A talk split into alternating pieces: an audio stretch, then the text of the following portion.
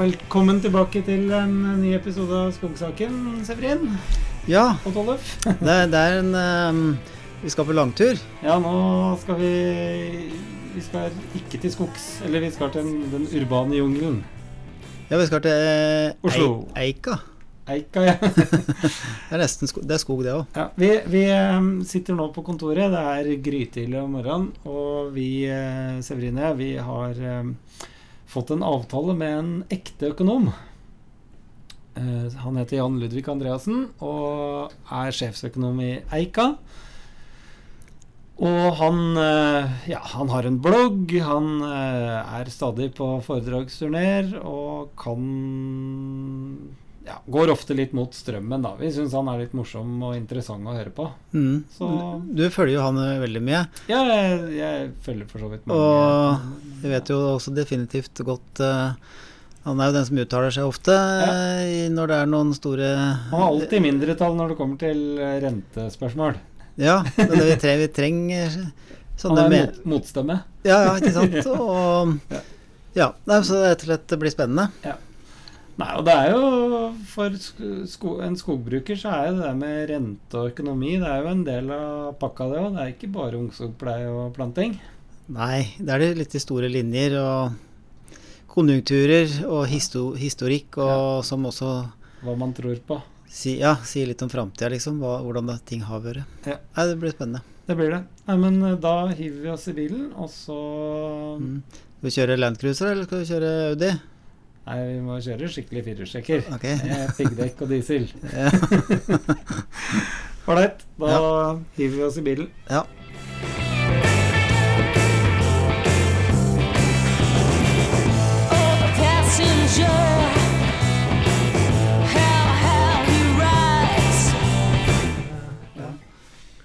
Oh, det var god kaffe. Det var, å, Severin, kan du sende meg snusen? For jeg glemte den der. det? Ja. Gjort det. Du skjønner det, Ludvig. Nå er du eh, Nå skal vi kose oss. Altså. Nå er det lukka døra, vrid om eh, låsen, og nå er det snus og kaffe. Vi sa jo det da vi begynte med, begynte med denne podkasten vår, at da skal vi kunne snakke om skogbruk i fred uten å bli avbrutt. Og, Ja, ja, så som er der er meningen. vi. Vi har ingen eh, annen eh, Ja. forretningsidé. Ja. Men Jan Ludvig, vi må jo bare være ærlige, da. Nå er jo vi litt eh, starstruck, vi. For vi er jo ikke vant til å liksom komme inn hit. Det vil si, vi er jo for så vidt vant til å være i Oslo, men eh, eh, de, de vi, vi, vi er veldig sånn jeg har en podkast vi snakker om skogbruk med fokus på skogsglede. Og, men vi er jo skogøkonomer, Severine. Så, så, så vi blir litt starstruck når vi møter en ekte økonom. Så, så kan du si litt om deg selv. Hva du heter og hva du driver med, sånn kjapt. Ja. Jeg heter Jan Ludvig Andreassen og er sjeføkonom i Eika-gruppen. Eh, Jeg har holdt på i finansbransjen hele min tid. ulike jobber, eh, men stort sett med makro som sjeføkonom. da. Eh, Norges Bank var jeg en periode i yngre år, og også vært i DNB og Alfred Berg-systemet. I dag er jeg Eika, og vi eies av 50 sparebanker. eh, som driver med mye rart. Eh, det som kanskje kjennetegner oss mest, er at vi er mye på bygda. Vi har en del landbruk og også en del skogbrukfinansiering. Mm. Det er jo sånn, sånn du har kommet på radaren vår. Ja, det er en ære. Ja, jeg, er jo, jeg følger deg på Facebook og har lest le, Følger bloggen din. Du har en blogg, Jans blogg. Den må dere søke opp. Der er det masse interessant. Og jeg har lest boken din. eh, Ah, ja. Den har jeg med her. Wow, Så jeg skal spørre om jeg kan få den signert, da. det får du. Ja. Så, um, og Jan Ludvig, han, du er jo um, eh, Det jeg legger merke til, er at du går ofte, ofte litt mot konsensus og mot strømmen. Eh, Du er jo i det der rentepanelet til er det DN eller Finansavisen. Ja. Er du ganske ofte. Du er på Dagsnytt 18, du Debatten, og du provoserer litt, da. Ja. Eller du provoserer ikke oss, bare så det er sagt. Men men det, det er ikke alltid du følger strømmen, kan du si, da. Nei, men det, det si det er med årene blitt mer og mer langsiktig. Ja. Og eh, det jeg tror er at man må spørre seg Når man driver med politikk, da, økonomisk politikk eller hva man gjør, er det liksom langsiktig, fornuftig eh, retning vi går i? Ja. Um, og hvis vi ser f.eks. nå en del av rentedebatten, er Ja. jo at uh, som jeg påpeker, halvparten av husholdningens inntekter nå kommer fra offentlig sektor. Ja. Enten de jobber der, eller de får trygder eller stønader. Mm. Uh, så samlet økonomien er ikke så rentefølsom som det en gang var. Vi svinger heller ikke med aluminiumspriser og sånne type ting som vi tidligere gjorde. Mm. Men det er noen få sektorer som blir veldig hardt rammet av eh, Renteøkninger. renteøkninger. Og det er jo f.eks. boligbyggerne. Mm. Og nå, nå gruser vi boligbyggingen. Mm. Men i fjor hadde vi meget sterk befolkningsvekst. Over 60 000. Mm. Takket være disse ukrainske flyktningene. Mm. Og det er da jeg spør liksom folk i Norges Ok, det er greit, hvis du hever rente, så får du kanskje ned prispresset på restauranter liksom marginalt i morgen. Mm. Men det virkelig store er jo at du gruser boligbyggerne. Mm. Og da må du regne med at det blir voldsom inflasjon om noen år når det er mangel på boliger. Mm. Så det er litt sånn derre om man eh, ikke kan kjøre med litt langlysene på av og til i den økonomiske politikken. Eh, og det, det tror jeg mange som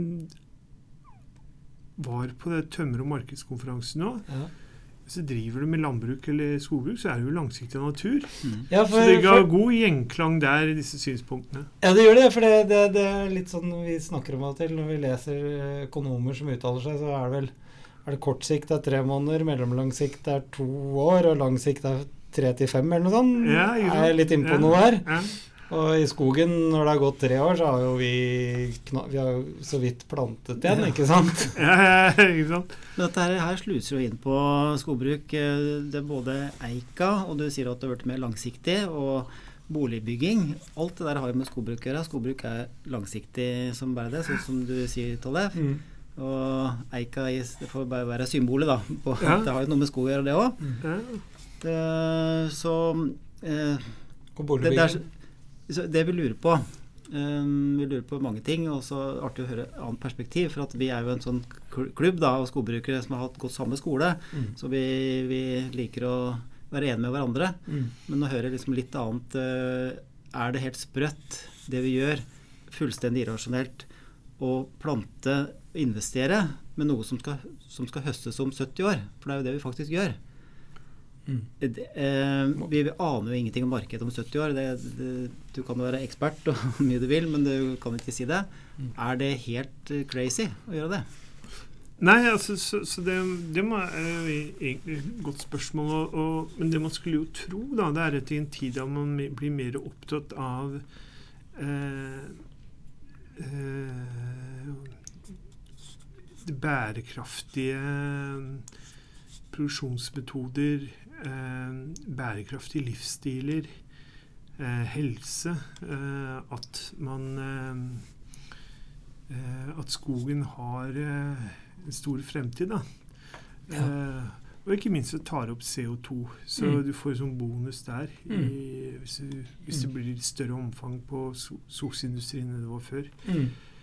Så, så jeg eh, har jo egentlig litt sånn troa på at eh, et enklere, mer liv i, ta, i, i eh, tettere på naturen, og vi, og vi blir flinkere til å utnytte skogene våre eh, på alle måter. Eh, det har mye fremtid for seg. Mm.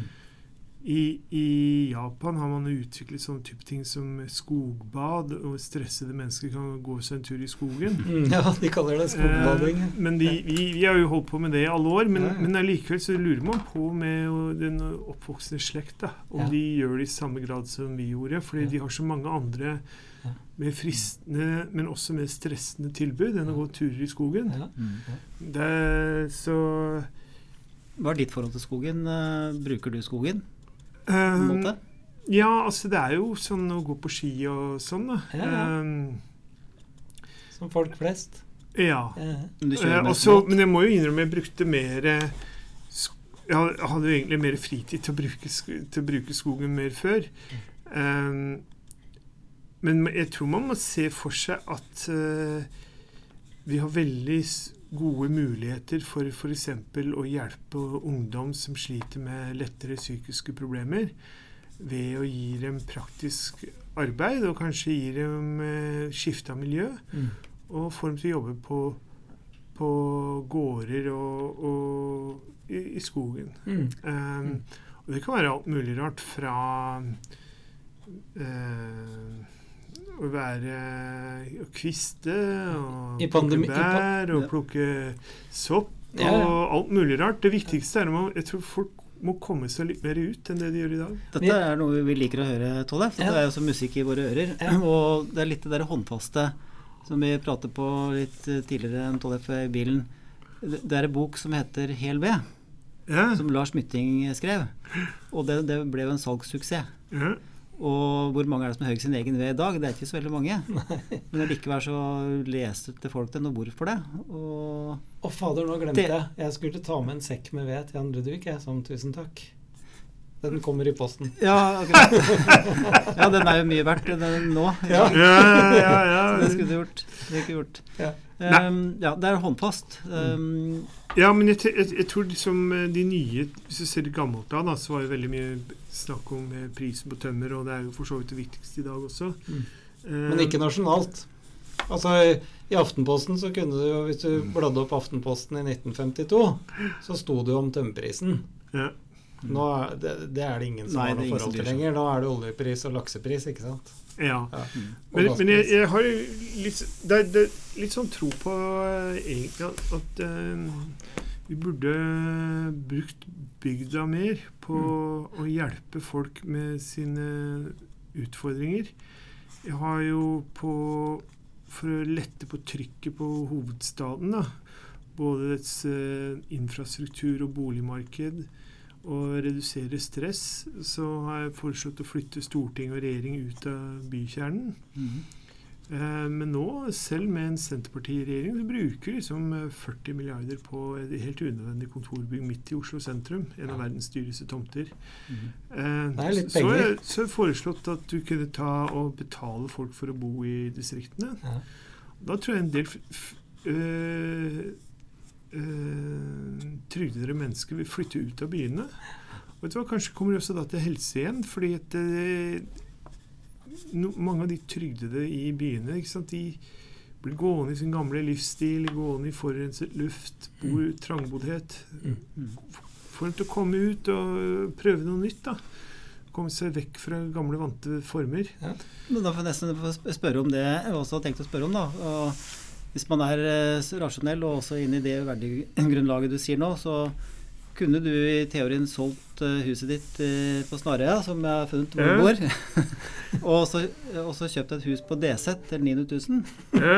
og så kunne du fortsatt sittet med din PC og gjort den samme jobben som du gjør i dag. Så Ja. hvor, hvorfor gjør du ikke det? Nei, men det, det, det tror jeg også er igjen Så alt dette her er jo egentlig Enn så lenge så er dette musikk i ørene på bøndene. Ja. Mm. Men, Men- så Så kommer det. Ja, fordi at eh, de vil jo helst ikke ha noe som ligner på trygd. eh, Nei. Sånn landskapspleie, Mm. betaling for må, maling av låvevegger, Mm. eh, grøfting eh, Sånn. De vil ha det for tonn produksjon Ja. mat. Mm.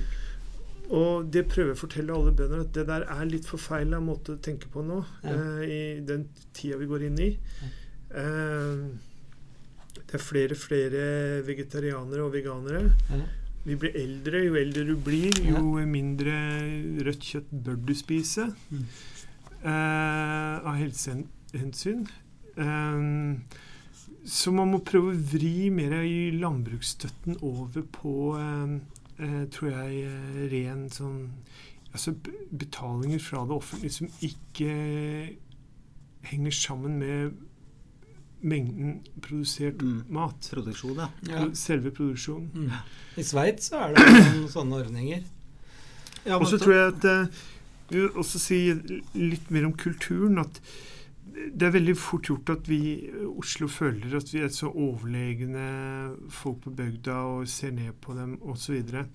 Så det, det har jeg, det har jeg liksom prøvd å, å fri meg fra. Men allikevel så slår det meg at eh, jeg har vært i relativt store kommuner uh, i Norge hvor det ikke er ferskvaredisk. Altså, Mm. Det er ikke en fiskedisk. Nei, nei. Uh, alt er frosset. Mm. Og og det var heller ingen vinbar eller noe sånn, eller noe eh, sånn koselig sånn kneipe for damer å sitte og prate. Så jeg har slått et slag da, at eh, for å feminisere bygda eh, Veldig ofte når jeg er ute og reiser, så treffer jeg liksom på forsamlinger hvor det stort sett er menn på min alder. Ja. Eh, å feminisere bygda, gjøre det mer variert. Eh, og også kulturelt og matmessig. Eh, gjør det enklere f.eks. Kanskje du skal ha en støtteordning for en eh, pakistansk familie som starter en restaurant i bygda med indisk mat, som det heter. Mm. Ja. Indisk og pakistansk kjøkken er jo omtrent det samme. Det er bare vi Ja, ja, ja. eller med merkelig grunn så har en bedre klang når vi kaller det indisk. ja, ja. Så eh, Og su, en eller annen som har lyst til å starte en sushibar midt i uh, Norge, et Mm. eller annet sted, Mm. kanskje han burde få støtte. Mm. Uh, fremfor at man alltid snakker om å bygge en ny vei, en ny tunnel til tre milliarder kroner. Mm. Alt det der. Fordi det er nok betong i distriktene. Jeg har kjørt mye rundt i, på distriktsveier helt aleine. Kjører 10-20 km på kvelden uten å treffe en bil. Mm. Så, så jeg, jeg tenker at her er det noe med at eh, vi skal ikke urbanisere bygda eller ta, endre, men bygd, bygdekultur og sånn. Men på en eller annen måte så må det fornyes litt og feminiseres litt og, og, og få litt mer eh, aktiviteter og tilbud, da. Mm. Ta en annen ting. Altså min datter eh, går på kunstløp. Og det er jeg jeg lurer på om det, Jeg tror ikke det fins en ordentlig kunsthall i hele Møre og Romsdal. Ikke Nei. Nei. Så må prøve å bygge ut, Mm. så man har eh, At det blir attraktivt å bo, ja. Ja, jeg Mm. Og det, der er du på nøkkelen. Du må være Men, men der er jo veier litt eh, òg, da. Altså, jeg prøver å være litt djevelens advokat her. Eh, eh, Severine, vi har jo eiendommer på Rena, litt nord for Rena. Nå, og vi bruker da to timer inn hit. Um, og vi har jo begge barn, og ingen vet hvordan verden er om 30 år. Og, men med dagens briller så tenker jeg sånn at eh, ja, de skal kanskje ha med seg en mann eller en kone, og da tenker jeg sånn ålreit, det er i hvert fall Det er bare to timer unna Oslo, for det er der, her alt er. Ja. Jobbmarked og sånne ting. Og så har vi jo Hamar, som på en måte er en sånn vekstregion rundt Mjøsa, som kanskje er proppen som gjør at ikke hele badekaret renner inn til Oslo. da. Så det er, det er, det På den er annen side så har det blitt mye bedre veier der opp der. Jeg kjører, Ja, ja, mye, det er jeg kjører mye til Røros, Ja, så det er jo blitt uh, mye, Ja. mye bedre. Ja, ja. Men i forhold til det du sier, da, Jan Ludvig, eh, det mangler ikke på entusiasme og eh, engasjement blant eh, de som bor på bygda for å få liv i bygda. Eh, men det er veldig tungt, fordi at det er lite folk, og folka blir eldre. Så, og det er ganske mange eksempler på folk som har prøvd ting. Eh, å starte en eh, liten kafé eller eh, Gloppheim. sånn, ja, og så driv på. Det er dugnad og driv på, men det går på en måte ikke. eh, Fordi det går noen år på entusiasme og sparepenger, og så er det slutt etter to-tre år. Mm. Det er det fryktelig mange eksempler på. Mm. Og blant bønder som skal eh, lage mm, gildehaller på stabbur og ta imot uh, turister og alt sånn, fryktelig mange eksempler på det. Og det er et veldig, veldig tung økonomi. Så i forhold til det du sier, hvis det faktisk var fikk noe støtte for det, da, og at det kunne være bærekraftig over litt lengre tid, så det fikk liksom etablert seg. Ja, for du klarer ikke å få til en business på to år. Eh, Nei. Nei, men jeg, jeg, jeg tror også at du Igjen, altså, hvis vi skal drive Vi støtter jo med smått og stort nå nærmere 1 milliard per bonde. ja. Og vi bygger nå Ikke per bonde, vel? Jo. Én milliard? Med, hvis du inkluderer um, Det regnestykket vil jeg høre. Ca. cirka halvparten er direktestøtte, og halvparten er importvern. Ja. Altså virkninger av det. Og, det, det er, og så er det vel Altså Det er mange milliardprosjekter i distriktene for veier og broer og sånn. Mm, mm. Mens jeg tenker mer at kanskje kommunen burde ha liksom en sånn nære eh, food court, da, en liten sånn mathall eh, et eller annet sted i bygda, hvor det er eh, fersk kjøtt, Mm. fersk fisk osv. Altså går det med dundrende underskudd, da. Men Mm. eh, det er, eh, og fersk, ferske brødvarer, ferske eh, hjemmelagde ting. hvor folk har lagd noe opp på gården, og så kan du gå og sette det stille ut på en eh, en eller annen utstillingsplass midt i bygda. Og, og så går det med et par- par-tre millioner i underskudd hvert år. Ja. Men det er bra, det. Da har, eh, da har du et veldig bra liksom, eh, tilbud av mat. Ja. Eh, og så I tillegg så tror jeg at eh, når det gjelder disse kafeene og sånn, så er det jo eh, De er jo ikke lagd for lokale damer som skal sette seg og drikke et glass vin eh, for å komme seg litt vekk fra familien og sånn. En kveld ute på byen. Eh, eh, så, så og en ting for eksempel jeg er veldig avhengig av, det er takeaway. Ja, ja. Komme hjem på kvelden, bare ringe til hva som helst. Ja. At, at man har en annen, kanskje en kommunal sjåfør som kjører, eller en eller avtale med et taxiselskap som kommunen betaler, eventuelt Sparebanken. Mm. Jeg har jo sagt det til sparebanksjefene mine at fremfor å gi en ballbing eller en statue, så kan du liksom subsidiere en eh, En lokal takeaway-sjappe. eller lokal eh, gourmetbutikk eller noe sånt eh, som bygda vil bruke. Alt dette er, det er veldig sånn Men det er vanskelig fordi det er litt sånn som jeg prøver å til, starte Mitt utgangspunkt var da, det er veldig lett for oss i Bærum å si sånn og sånn vil vi ha det. Men det er jo ikke det, det, det, det, er ikke det som er spørsmålet. Spørsmålet er hvis du samler lokalbefolkningen Mm. en kveld på et Bygdøy grendehus og spør du ja, hva er det vi savner her i bygda? Mm. Liksom, hva er det jeg, etter jeg flytta fra Trondheim eller Ålesund eller Oslo, Mm. hva er det jeg savner da fra Mm. mitt dagligliv der? Ja, ja. Kan ikke vi gå sammen i kommunen om å lage noe sånt? Mm.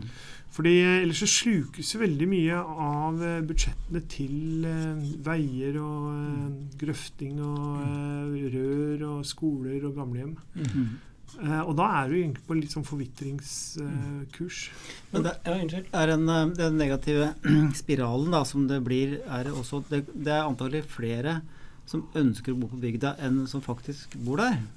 Men uh, hus, altså boligpriser, som er et viktig tema i samfunnet, bygda er jo definitivt tapere på det. Så hvis det du bygger et hus uh, på DZ, Mm. som koster like mye som å bygge et hus uh, i Oslo, Fratrukket ja, tomtekostnader. ut av tomtekostnaden, så, så er huset verdt halvparten når du setter nøkkelen i døra, for du får ikke solgt det for mer enn Mm. det. Mm. Og da blir det, kan du si Folk har ikke råd til å bo der. Men det gjelder jo ikke hytter, da. Hytter eh, Nei. Hvis du drar til Trysil, så et bolighus der, det koster jo ingenting. Men en hytte koster ti millioner. Ja da. Men, men jeg har lyst til å vri det litt Men jeg, bare, bare for å ta det med Ja, boliggreiene, så Mm. jeg er veldig enig i det. Og man kunne også lage en sånn ordning tror jeg, som er relativt enkel å få til. At eh, du har et forsikringsselskap, enten i statlig eller privat hånd, Mm. som forsikrer boligverdiene i bygda.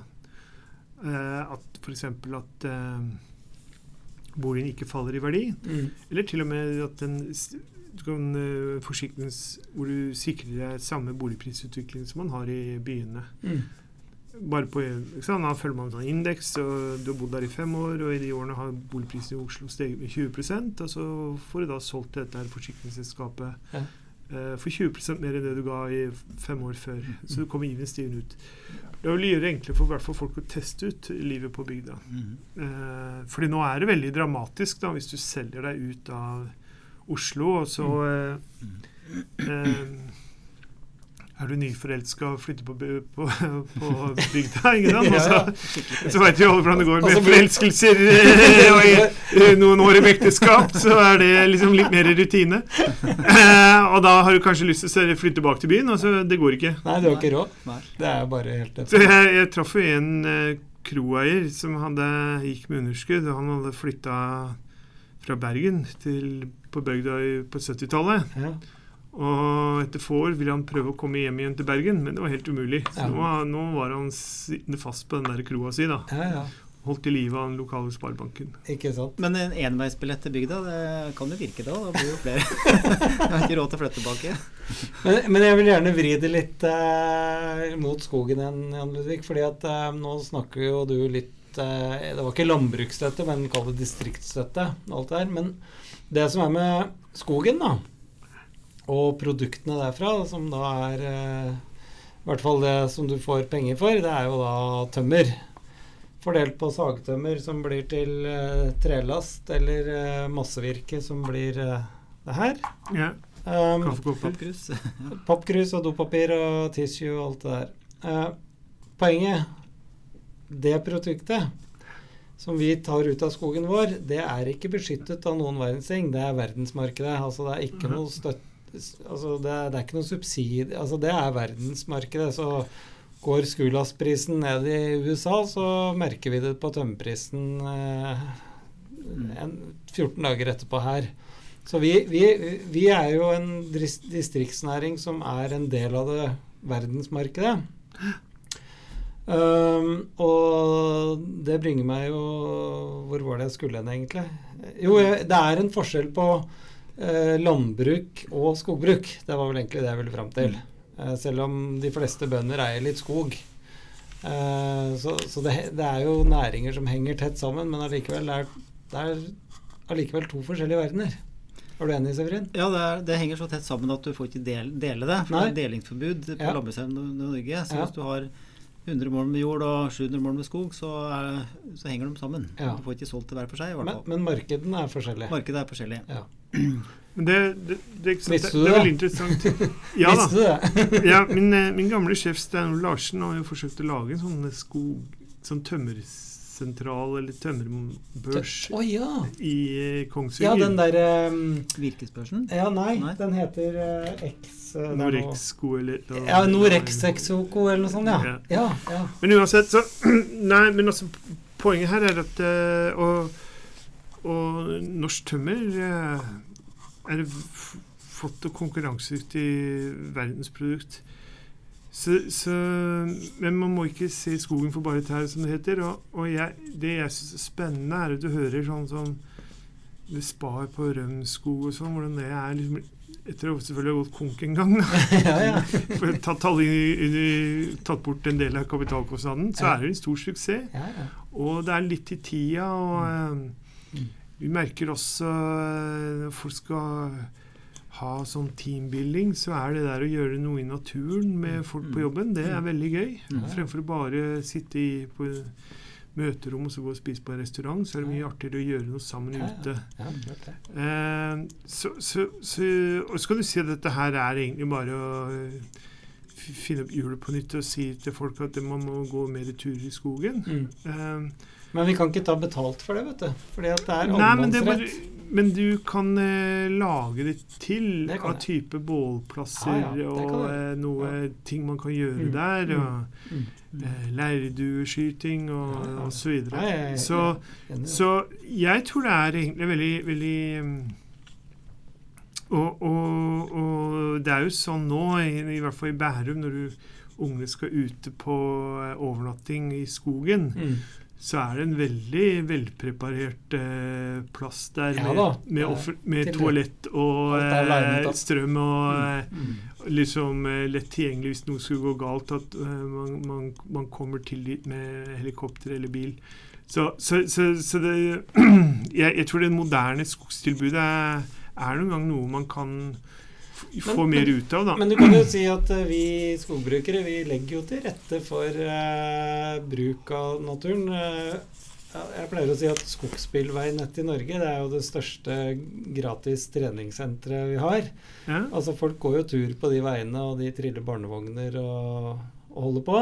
mm. Og prepper skiløyper om vinteren. Når du går på ski, det er garantert en skogsbilvei du går på. Og så har Skiforeningen gjort en avtale med skogeieren om at her skal du ikke hogge nå i vinter. eh, Et eller annet sånt nå. Eh, Men det jeg ville vri det videre over på, det er jo eh, I Norge så avvirker vi 10-12 millioner kubikk i året. Mm. En stor del av det, i hvert fall massevirke, som er da den, den dårlige delen av tømmerstokken, det skipper vi ut på skip til Tyskland, og veldig mye går til Sverige.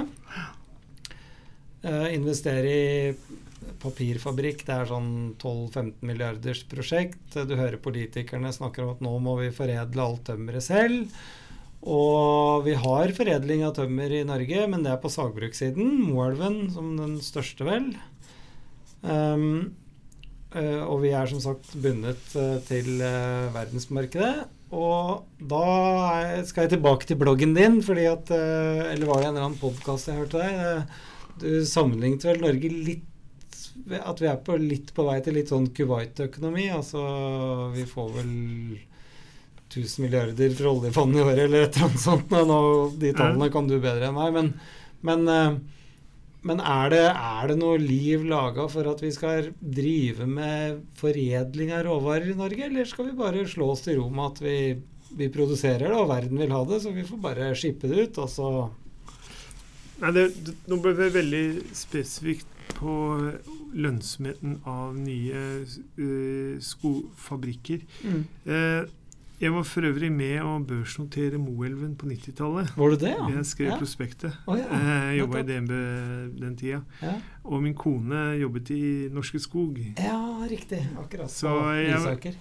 Så jeg syns jo dette her er jo veldig trist at vi har liksom eh, ikke den type muskler som svenskene og finnene har, da. Mm. Mm. Eh, og noe må vi kunne skylde på sjøl. Eh, min, det jo bra. kone, min, kone, min kone som jobber i Norske Sko, er for øvrig finsk. Så, eh, Ja. Men det du merker i Finland, er liksom at der kan politikere, næringslivsfolk, byplanleggere og arbeidstagere sette seg ned og bli enige. Mm. Eh, og jeg, på Tømmer- og markedkonferansen så var jo flere som var inne på det. Det er mye å hente på at alle som er glad i landbruk og skog, at de samarbeider bedre. Mm. Eh, og så vil jeg jo si at ok, man kan alltid spørre seg er det lønnsomt for det offentlige å hjelpe til med eh, fabrikker og, og prosessanlegg som tar skogen i bruk. Eh, vil jeg få si Det er mye mer fornuftig enn å bruke 60 milliarder på batterifabrikker Ja. med ekspertise som må flys inn på ukentlig basis fra Asia. For å, for vi har jo overhodet ikke peiling på dette her. Så ja, i det hele tatt, hvordan vi kom på den, det er musikk ikke vi kom på, vi kom på den ideen. Og spesielt fra en Senterparti-Arbeiderparti-regjering.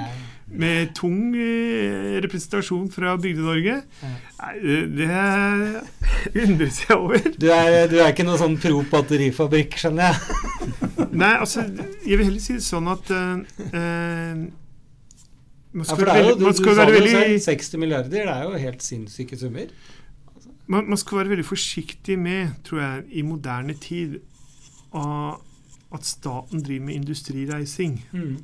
Ehm, vi hadde selv i enklere år på 70-tallet hadde vi veldig dårlig erfaring med det, og brukte mange år, og det var mye smerte i omstillinger og omstillinger og omstillinger før det til slutt man var, helvete. man, var, man var nådig nok til å slå det i hjel. og, og, det der, og så kvitter vi oss med alt det statsbedriftene i, på 90-tallet. Ja. Og, og nå er vi liksom på den galeien igjen. Ja. Men- Men det man tenker seg Hvis skogeierne samlet seg, og de hadde noen fornuftige prosjekter Og det, det var jo flere av oss som ble luftet på scenen på, når jeg hørte på. Mm. Enten i form av eh, lave eh, drivstoff og kjemikalier og trestokker Mm, og Det er jo noen suksesshistorier. Borregaard er jo Nettopp. Og eh, man trenger ikke gjøre dette her som en offentlig bedrift. Man kan liksom Nei. gi det si her, her eh, Borregaard, her har du et par milliarder, få til noe. mm. Mm. Eh, men nok en gang så tror jeg det fordrer et mye større samarbeid, altså inten mer intenst samarbeid mellom eh, skogeiere og alle som Mm. gjør det. Det er jo, Moelven er det jo faktisk skogeierne som eier, da, nå i, Ja. nå i dag. Eh, det er jo delte meninger om hvor lurt det er. Eh, det, er det er ingen tvil om at eh, eh, Glommen Mjøsen er jo største eier av Moelven og det, det renner jo inn et utbytte av en annen verden, så det har jo vært en lønnsom investering. Men det er jo litt sånn Her eier skogeierne et selskap som vi skal selge tømmer til, til markedspriser. Og, ja, så det er litt sånn derre armlengdes avstand mellom de to, kan du si, da, selv om det er Men her er det sikkert mye å hente fra svenske og finske erfaringer. Og, Mm. og, og, i, og det, det som slo meg, vet du, det var at La oss si Borregaard finner på noe eh, veldig smart da, å gjøre med en tømmerstokk. mm. Så er det plutselig det er en idé du kan selge over hele verden. Ja da. Alle vil jo være interessert i det. Mm. Så Mm. det, det her er jo et sånt der eh, område som burde man kunne satse litt på forskning og utvikling med relativt gode odds da, Mm. på at Ja, det ja. blir et suksess. Det er jo noe vi har drevet Men med. Og der, der, der, er, der er det mye som taler for at staten kan spille en betydelig rolle. Altså forskning, utvikling, Mm. eh, passe på at ideer som kommer, og de blir spredt raskt og vidt og bredt, sånn at produktiviteten øker i så fort som mulig. Mm. Det, det, det er noen statlige ting. Mm. Men de bør ikke eie fabrikken og, og drive det og piske de ansatte og sånn, for det er de veldig dårlige til. og ikke minst eh, rammebetingelsene òg, som eh, noe av eh, Når vi driver et internasjonalt marked, så må du ha en konkurransefortrinn. Ja. Og det har jo vært billig kraft. Ja. Eh, og det, det er jo noe staten kan legge til rette for. Mm. Det er Ja. veldig kraftkrevende, all sånn eh, prosessindustri. Norske Skog eide jo veldig mye kraft, da, men solgte de. Det er litt det Ja, solgte krafta, Ja. for de hadde gode langsiktige avtaler. Ja. Det var mer lønnsomt å selge det enn å bruke det sjøl. Ja. Det er, det er faktisk et problem vi sliter med i dag også. Industriproduksjon går ned i Norge, selv, om- selv der de har Og den går spesielt mye ned der hvor folk har kjøpt inn mye billig kraft, Ja, ja. som vi nå kan selge ut Ja, ja, det dyrt. ikke sant? Elkem Hydro, det, ikke sant? Jeg var og besøkte Hydro, ikke sant? Jeg har stengt ned. Ja, For så mye mer for Vi tjener rått på å selge strøm, ja. Så Mm. jeg, jeg tenker sånn at eh, her må man gjøre noe Nok en gang må man få til noe langsiktige avtaler. Ok, Kanskje ikke så billig som det en gang var, men Mm. billig nok til at industrien klarer seg. Mm. Og så må det være et slags sånn eh, eh, forbud eller gentleman's agreement på at man ikke selger krafta til høystbydende i Tyskland. Mm. Eh, Samtidig så stimulerer det også til eh, alternative eh, energikilder, da, hvor eh, skogbruksråstoff også er en viktig del. Med flisfyring og fjernvarme og Ja, og arealet, ikke minst. Og du får incitament ja, Altså, til å vi har jo sitter jo på areal, vi, som er attraktivt for vindmøller, Ja da. f.eks. Ja, da. Ja, så jeg, jeg, jeg tror at det er eh, man, Den nye tid har mye eh, muligheter for seg. Eh, Mm. og eh, eh, Men eh, og, og, og da og sko, tenke skogen som noe mye mer enn bare trærne og det antall kubikkmeter tømmer som du får ut av det. Det er jo det vi har fokusert på, vi skogbrukere. Det er jo, det er jo produksjon. Eh, Ja. Men så er det så mye mer tjeneste på en måte enn eh, skogen kan levere. Og jeg vil ikke si at det er overraska over at du fokuserte på eh, skogsbading og opplevelser, men det er jo det mange snakker om. Og som de fleste ikke helt får til. for Det er krevende marked. Mm. Markedsføring. Mm. Produktet skal være bra. Mm. Skal ikke være for langt ifra der folk bor. Mm. Så, det, jeg har jo vært, vært litt rundt, rundt omkring, og jeg, jeg, jeg tror nesten at du må ha en sånn hva kalles sånn eventselskap i bygda. eller noe annet. At det, det er ikke den lokale bonden som kommer ut med sin eh, Nei, du må ha en pakke. Du må ha en eller annen pakke Mm. som er litt mer eh, ikke sant? Det er en vanskelig balansegang. Det skal være ekte og jordnært, men samtidig litt proft. Eh, og, og det er en eh, er en eh, vanskelig sak. Så, så Men det er det som her, er, her er det jo egentlig veldig Veldig mange som har behov for å komme seg ut og, i naturen og oppleve noe. Som eh, kunne ha glede av det. Men du, eh, eh, nå er vi jo med en eh, ekte økonom her. Og vi, vi kan ikke eh, dra herfra uten å snakke litt om renter. Det er jo, Tro dere det, vi skogøkonomer òg driver med renter. Ja. Renta betyr veldig mye i skogbruket. Ja. Vi snakker om hundreårsperspektiver. 100-årsperspektiver. Mm. Ja. Og her har du en, et blogginnlegg som eh, Det er ikke sikkert du husker du skrev det, men her har du en overskriften her 'Årsaken til at de lange realrentene er så lave'. Så skriver du i mitt hode finnes det to typer makroøkonomer i rentemarkedene. Bøtteøkonomene og badekargjengen. Ja, Husker du det? ja. ja. ja. Um, men Severin, kan ikke du fortelle litt hvordan vi Når vi snakker om renter i skogbruket, hva er det vi er opptatt av? Eh, det er, det, er, det er en stor diskusjon. eh, Vi driver jo en del med erstatningssaker. Mm. Og når du skal ha full erstatning, en engangssum Mm. for noe du taper, en inntekt i all framtid Mm. Og det er jo en evigvarende kamp, eh, og Høyesterett eh, sier én ting. De har sagt 4 Mm. Kapitaliseringsrente. kapitaliseringsrente, ja. Mm. Og, og mens eh, vi agerer Altså hvis vi hadde agert etter et 4% avkastningskrav, så hadde det ikke vært at eh, gammel skog i Norge. Nei. Eh, For da Den forrenter seg ikke med 4% etter at den har passert eh, 90 år. 70, 70 av sin levetid. Mm. Eh, Så det, og det er jo diskusjon, og høyesterettsavgjørelser henger jo etter eh, markedet, for å si det mildt.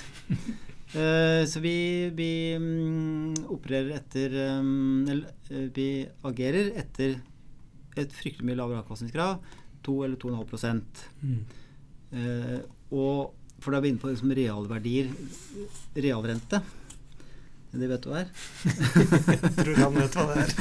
Du vet, eh, vi hadde så, Når du har muntlig eksamen på Blindern, når Ja. jeg gikk ut, da, Ja. så vet jeg Så får du eh, Det du lærer ikke sant? Hvis renta er 4 Ja.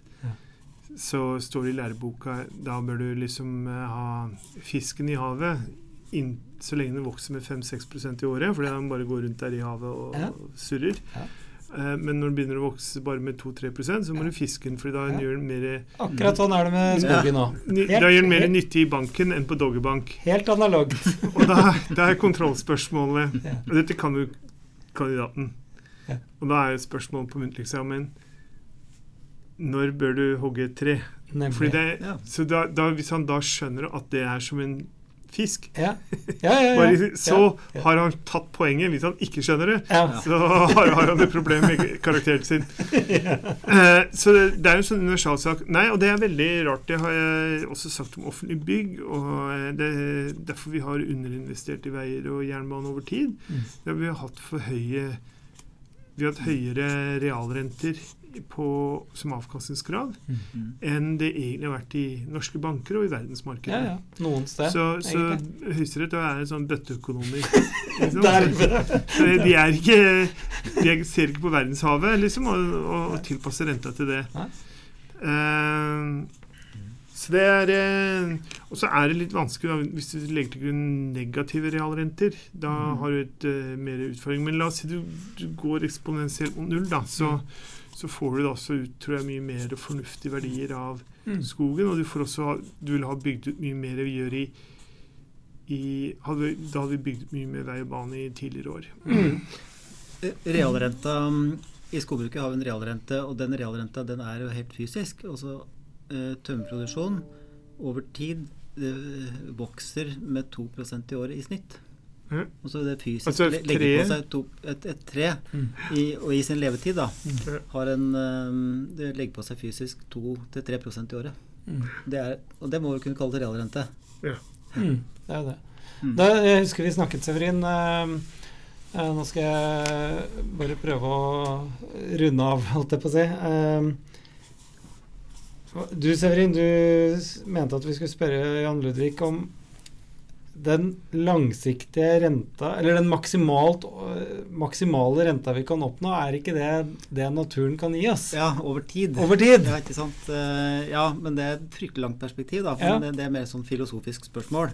Ja. At eh, naturen kaster av seg da, 2-3 og at Mm. det, over tid så kan ikke en, en realrente være høyere i, i et evighetsperspektiv. Nei, jeg, jeg, jeg tror heller det, det er litt sånn at eh, disse rentene de påvirkes mer av eh, teknologi og sparing Mm. og aldring. Um, og eh, mange er veldig oppskjørt over de høye rentene nå, og, det er jo mye høyere enn jeg hadde Ble, det, ble, du tatt på senga, som oss, alle oss andre, over renteøkningene som pågår nå? Ja, ja. Eh, og eh, Men jeg samtidig Hvor lenge vil det vare? Nettopp. Og det er Ja. også, men da med de forbehold om å ha tatt nylig feil på dette her. Ja. Um, Blir du mobbet? Så er det jo det er, Nei, men det er, det er noe med at uh, demografiske forhold tilsier i hvert fall at det blir veldig lav økonomisk vekst. Mm. Uh, og at uh, uh, siden vareproduserende næringer er så liten andel av økonomien nå Mm. sånn, eh, det som tidligere var en veldig stor næring, eh, landbruk og industri, er jo nå bare under 10 av yrkesbefolkningen som jobber i. Mm. Eh, og vi makroøkonomer blir jo ikke mer produktive med årene. Eh, så så, så i tjenesteytende næringer har man ganske lav produktivitetsvekst generelt. Ja. Eh, som vi da er egentlig i all, all hovedsak her. Så hvis du kombinerer de to faktorene, at vi har lav befolkningsvekst og lav vekst i produksjon per arbeider, så ender det opp med veldig lav økonomiske vekstanslag i hele den vestlige verden i årene som kommer. Mm. Og da bør realrentene forbli lave. Mm. Eh, og så vil jeg for øvrig si det er, jeg har egentlig ikke bomma på realrenta, fordi det er inflasjonen som kom opp. Mm. Inflasjonskomponenten er det det sentralbankene bekjemper. Ja. Eh, men også Norges Bank har veldig lave realrenter, realrenter rundt null, Mm. i årene som kommer, som sin beste gjetning. For det er jo det som folk egentlig ikke skjønner. Nei, altså det er vanskelig Nei. selvfølgelig diskusjon å ta. Mm. Ja. Men eh, altså, inflasjonen den må jo stoppe når strømprisene har gått opp på et eh, visst nivå, som den er nå. Oljeprisen er 100 dollar fatet. Han øker jo ikke videre, så det, når det først har løftet seg, da, så skal du sammenligne med året før. Så hvis det fortsetter med ytterligere 6-7 til neste år, det, det blir jo krise. Men det må jo Ja, måte- det, det er Sannsynligheten for at den blir veldig lav om et år, er jo ganske stor, i og med at det plutselig har fått et løft. Blir det for dyrt, så blir det ikke noe etterspørsel heller. Så. Nei, jeg, jeg, jeg har jo sagt det. Eh, jeg syns de burde legge, ikke legge noe særlig vekt på de høye pristallene og dempe disse rentesnakket. Eh, men, så- men så vil jeg samtidig også si at liksom, ja, selvfølgelig inflasjon kommer ned, og det blir til og med deflasjon hvis, eh, når det blir fred. Da Mm. kollapser jo masse priser. Det blir jo fred. Ja, Det det blir fred før eller siden. Ja. Eh, men heller ikke det bør man legge så stor vekt på. Altså Det er også forbigående. Ja. Så hvis jeg skulle gjette på, så vil jeg gjette på at vi havner på et rentenivå på 2-3% i det lange løp. Mm. Eh, og det er noenlunde konsistent med det skikkelig langsiktige synet Norges Bank har. Mm. Og da får du en eh, veldig lav lav Men vi realrente. skal høyere, vi skal nok få en økning eller to til i år, så vi Mm. kommer høyere enn det vi er. Ja. Og vi kommer på et, i løpet av året på et unormalt høyt rentenivå før det faller tilbake til mer normale nivåer Mm. senere dette tiåret. Mm. ja. Jeg deler den spådommen. Men eh, det, Særlig vi som er at eh, det- det- forgjeldet. Hva sa du? Unormalt lavt At vi har hatt en periode med unormalt lavt rentenivå, er jo også mange som sier. Hvis du sammenligner med 80-tallet og Ja, Sånn så, men vi, jeg, jeg, jeg tror hvis man ser ordentlig langsiktig på dette, så ser det vel ut som om eh, de lange renter ute i dollar og euro ligger på 3,5 mm. eh, Som sånn langsiktig gjetning markedet har. Hva, hva er det Mm. korte renter kommer til å bli mot slutten av dette tiåret? Mm. Og i Japan er det ca. 1. Mm. Så det er litt sånn eh, eh, Men tåler, tåler gjennomsnittsutholdningen i Norge Tåler de eh, over tid 5,5% lånerente? Gjennomsnittet gjør det, men ikke alle. Nei. Og eh, det er det gjengen der som man må være Jeg syns politikerne er veldig lite obs på. da. Mm. Mm. Eh, og det er veldig synd hvis det rammer f.eks. barnefamilier hardt. Mm. Det er de som skal produsere barn. Ja, ja. Eh, og vi har et problem nå med veldig nedgang i folketallet. Mm. Unnskyld, nedgang i fødselstallene, som senere kommer til å gi oss nedgang i folketallet. Mm. Så, så det, er- det er litt sånn det vi savner i dag, er det en, en som kan se det store bildet her. og, og eh, Så du tror ikke på 6% lånerente de neste 20 årene? Nei, nei, det, det er vel ingen som gjør. Men eh, det, det som man tror jeg kommer til enten å gjøre, er enten å måtte Enten så holder man noe igjen på disse renteøkningene. Mm. Eller så må man øke statens utgifter til sosialstøtte og Mm. Nav og sånne type ting, og kanskje barnetrygden og sånt, sånn Mm. at de verst stilte, eh, og gjerne de yngste eh, familiene, får mer hjelp. Mm. Så det er én av to. Mm. Men eh, som eh, skogbruker som tenker 100 år fram i tid, så får vi av og til litt vondt i huet. Um, og pris eh, Du kan nesten tro at de som kjøper skog, da, investerer i skog, ikke er helt rasjonelle.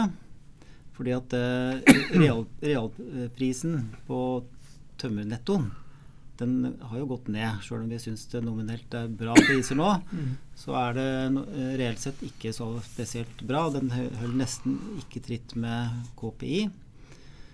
Likevel så øker skogprisa, altså på kjøp av skog, da. Mm. Uh, i, I Sverige, hvor det har vært fri, ganske fritt marked i lang tid, så er prisa kanskje dobbelt så høy som i Norge. Og som en skogkalkulator som Tollef jeg er, så, så får vi ikke de regnestykkene til å gå i hop. Så hva, Vi, må, vi må ha et lengre tidsperspektiv, da. ja, så hva er det markedet priser inn, da? Og så har jo det der eksempelet nylig med Meråker Bruk, som staten til slutt kjøpte for eh, en, en for skogøkonomer altfor høy pris. Det sto at du var sjokkert i Aftenposten. Ja, Det var vel dobbelt så høy som eh, neste buder. buder ja det var nesten det. Ja. Så, og hvor de da har eh, Hvis du skal bruke kalkulatoren, så er de på en avkastningskrav på under en halv prosent. Og de kunne jo brukt de penga i oljefondet. Så hvor mye er det oljefondet klarer å Nei, eh, det skal vel I hvert fall kunne vi, Hvis de var rasjonelle, da, så kunne vi brukt de penga i oljefondet og gitt den avkastningen de har, som kanskje er 4% eller noe sånt. Men eh, så hvor, hva, hva er det markedet priser inn som gjør at mange, mange faktisk kjøper skog, da?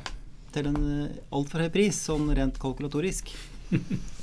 Det kan være litt ulike årsaker. Nå er det noe sånn ESG-prising inn i det. At folk eh, eh, betaler for det grønne skiftet litt ekstra. Si, si hva ESG står for. Det er ikke alle lytterne våre som eh, eh, Environmental, eh, environmental social eh, Governmental? governance. Er Nei, governance. Altså at det Ja, er an- sånn det. Egentlig så er dette her i nok en gang gammel vin på nye flasker. Ikke sant? Det er sånn ansvarlig, moden bedriftseier. Ja. Jeg har alltid tenkt sånn. Ja. Løvenskiold-type. Ja.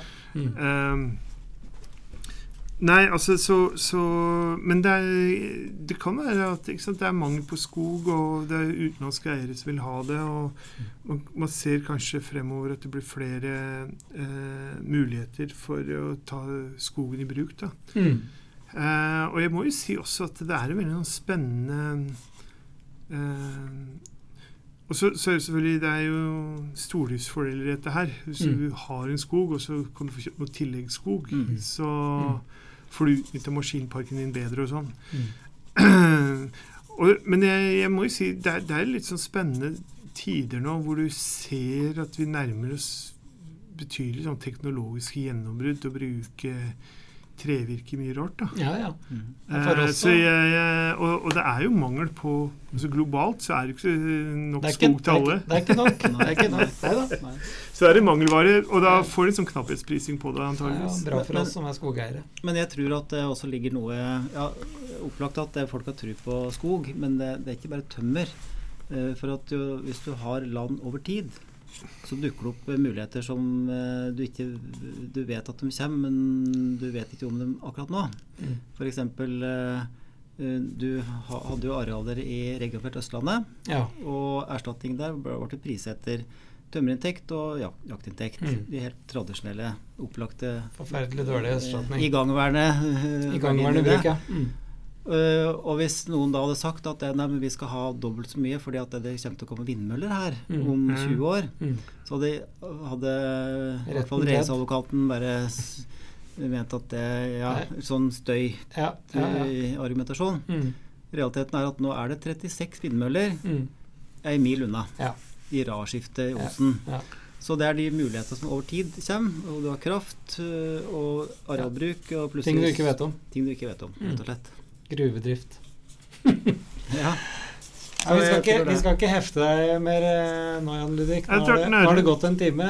Og det var eh, Jeg tror, vi, jeg tror ikke vi kommer noe lenger. Nei, annet enn vi må jo generelt si at det var eh, Det er jo god grunn til å være veldig optimistisk nå, da. Ja, jeg syns det. Altså, vi, vi, vår podkast er skogsglede og optimisme. Mhm. Pessimisme, det liker vi ikke. Nei, så du, du, du, du slår meg i huet når jeg prøver å komme med litt sånn korrigerende ting til din evige optimisme. ja. Alt ordner seg. Ja, ja, det gjør Ja, det gjør det. nesten. nesten. Det ordner seg for AS Norge òg. Ja da. Ja. Is i magen og langsiktighet. Så, Så er det noen som hører på nå, så hørte du Jan Ludvig. De finansierer skogbruk og landbruk, så det er ikke bare Det er bare å slå på tråden og be om et lån. Ja, ja. Fikk jeg inn det nå? Renta går ned til slutt. Ja, men da får jeg si, at du, kan, du kan ikke låne til 4 rente og kjøpe skog. Da må du ha en betydelig andel egenkapital. Men eh, det, Det det, det ordner seg, det òg. Da, du kan hende det lønner seg på sikt, men Ja. det hjelper ikke hvis det du går konkurs underveis. Det er sant. Det var dagens uh, visdomsord. Det det er noen realiteter med nettbanken. Det er noe hverdag med nettbanken for de fleste. Hverdagen i nettbanken er, kan være tøff. Tusen takk, Jan Ludvig. Det var, Ja, det var en ære. Takk for at du stilte opp. Takk skal dere ha. Ja, hei. Mm. Ja, da har vi snakket med en ekte økonom, Sefrin. Jeg har gjort det. Nå er vi tilbake i bilen Ja. og fordøyd litt. Vi har, For, fortsatt ikke ute av byen. nei, du er jo den perfekte guide i byen. Du er jo så byvant at um, tok med meg på teaterkafeen til og med. Og, Ja, ja. Gammel, gammel vane. Ja, akkurat. ja da. Så interessant. Det var du som spanderte lunsjen, da, så sånn sett så var det Ja, jeg må bidra med litt, ja. There are no such thing as a free lunch, Nei, ikke sant? var det en annen kjent økonom som sa. Ja, Hvem var det? Milton Friedman. Ja. Ja. Nei, men eh, jeg syns det var veldig For det første så er jo Jan Ludvig en utrolig hyggelig, hyggelig kar, da. Mm. Så bare det er et ja, Alle vi snakker med, er hyggelige. Men uh, han har mye interessante betraktninger. Ja, det, og det er artig å snakke med noen utafor familien som eh, har litt andre perspektiver. Skogfamilien. Skogfamilien, Ja. det er helt riktig. Mm. Så um, fikk vi svar på det vi lurte på, det vi pratet på sånn innledningsvis i bilen på tur hit, f.eks. Ja. Han, han tok det jo veldig Det var sånn makronivå Ja. han snakket om, men uh, han, han var jo han, Så Jan Ludvig, hvis du hører på det her nå, så er det ikke for å, for å uh, disse deg, men uh, det derre skogsbadingen uh, Jeg har ikke noe tro på det som en Jeg klarer ikke å konkurrere med tømmerstokken, er min Nei. mening, da. ja. Du, da? Nei, det var kanskje det at um, i, i festtaler og i teorien Men det, vi prater på det, Tollef, i lunsjen da nå. At eh, ja, la oss si at det skal bli en realitet, da. Nå skal du stå opp eh, mandagsmorgenen, og så skal vi ha dagslønna vår. Ja. Eh, tilsvarende ja, og kanskje erstatte noen tømmerinntekter Mm. med sånne ting. Hvor, hvor begynner du, og hvordan i all verden skal du gjøre det? Ja, nei, Og har vi fasiliteter bra nok for et kresent publikum? det har vi sikkert, men Du må søke Innovasjon Norge. Men det er ikke det den podkasten her handler om. Den Nei. handler om skogsglede, men vi, vi, vi driver jo med tømmer. Driver med tømmer, men Ja.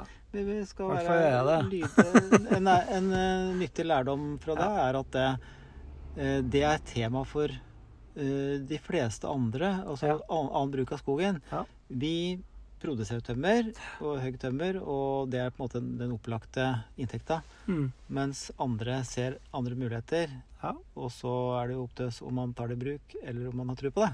Ja, Og det er jo fritt frem.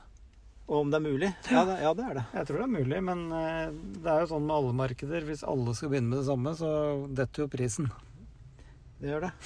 Så da, da får ikke du lov til å begynne med det. Da skal, da skal jeg gjøre det. Da skal du begynne. Ut og bade i skogen. Ja. Eh, hender vi bader i snøen. ja, ja, ja. Vi driver jo med skogsbading i ett kjør, vi. Mm, ja.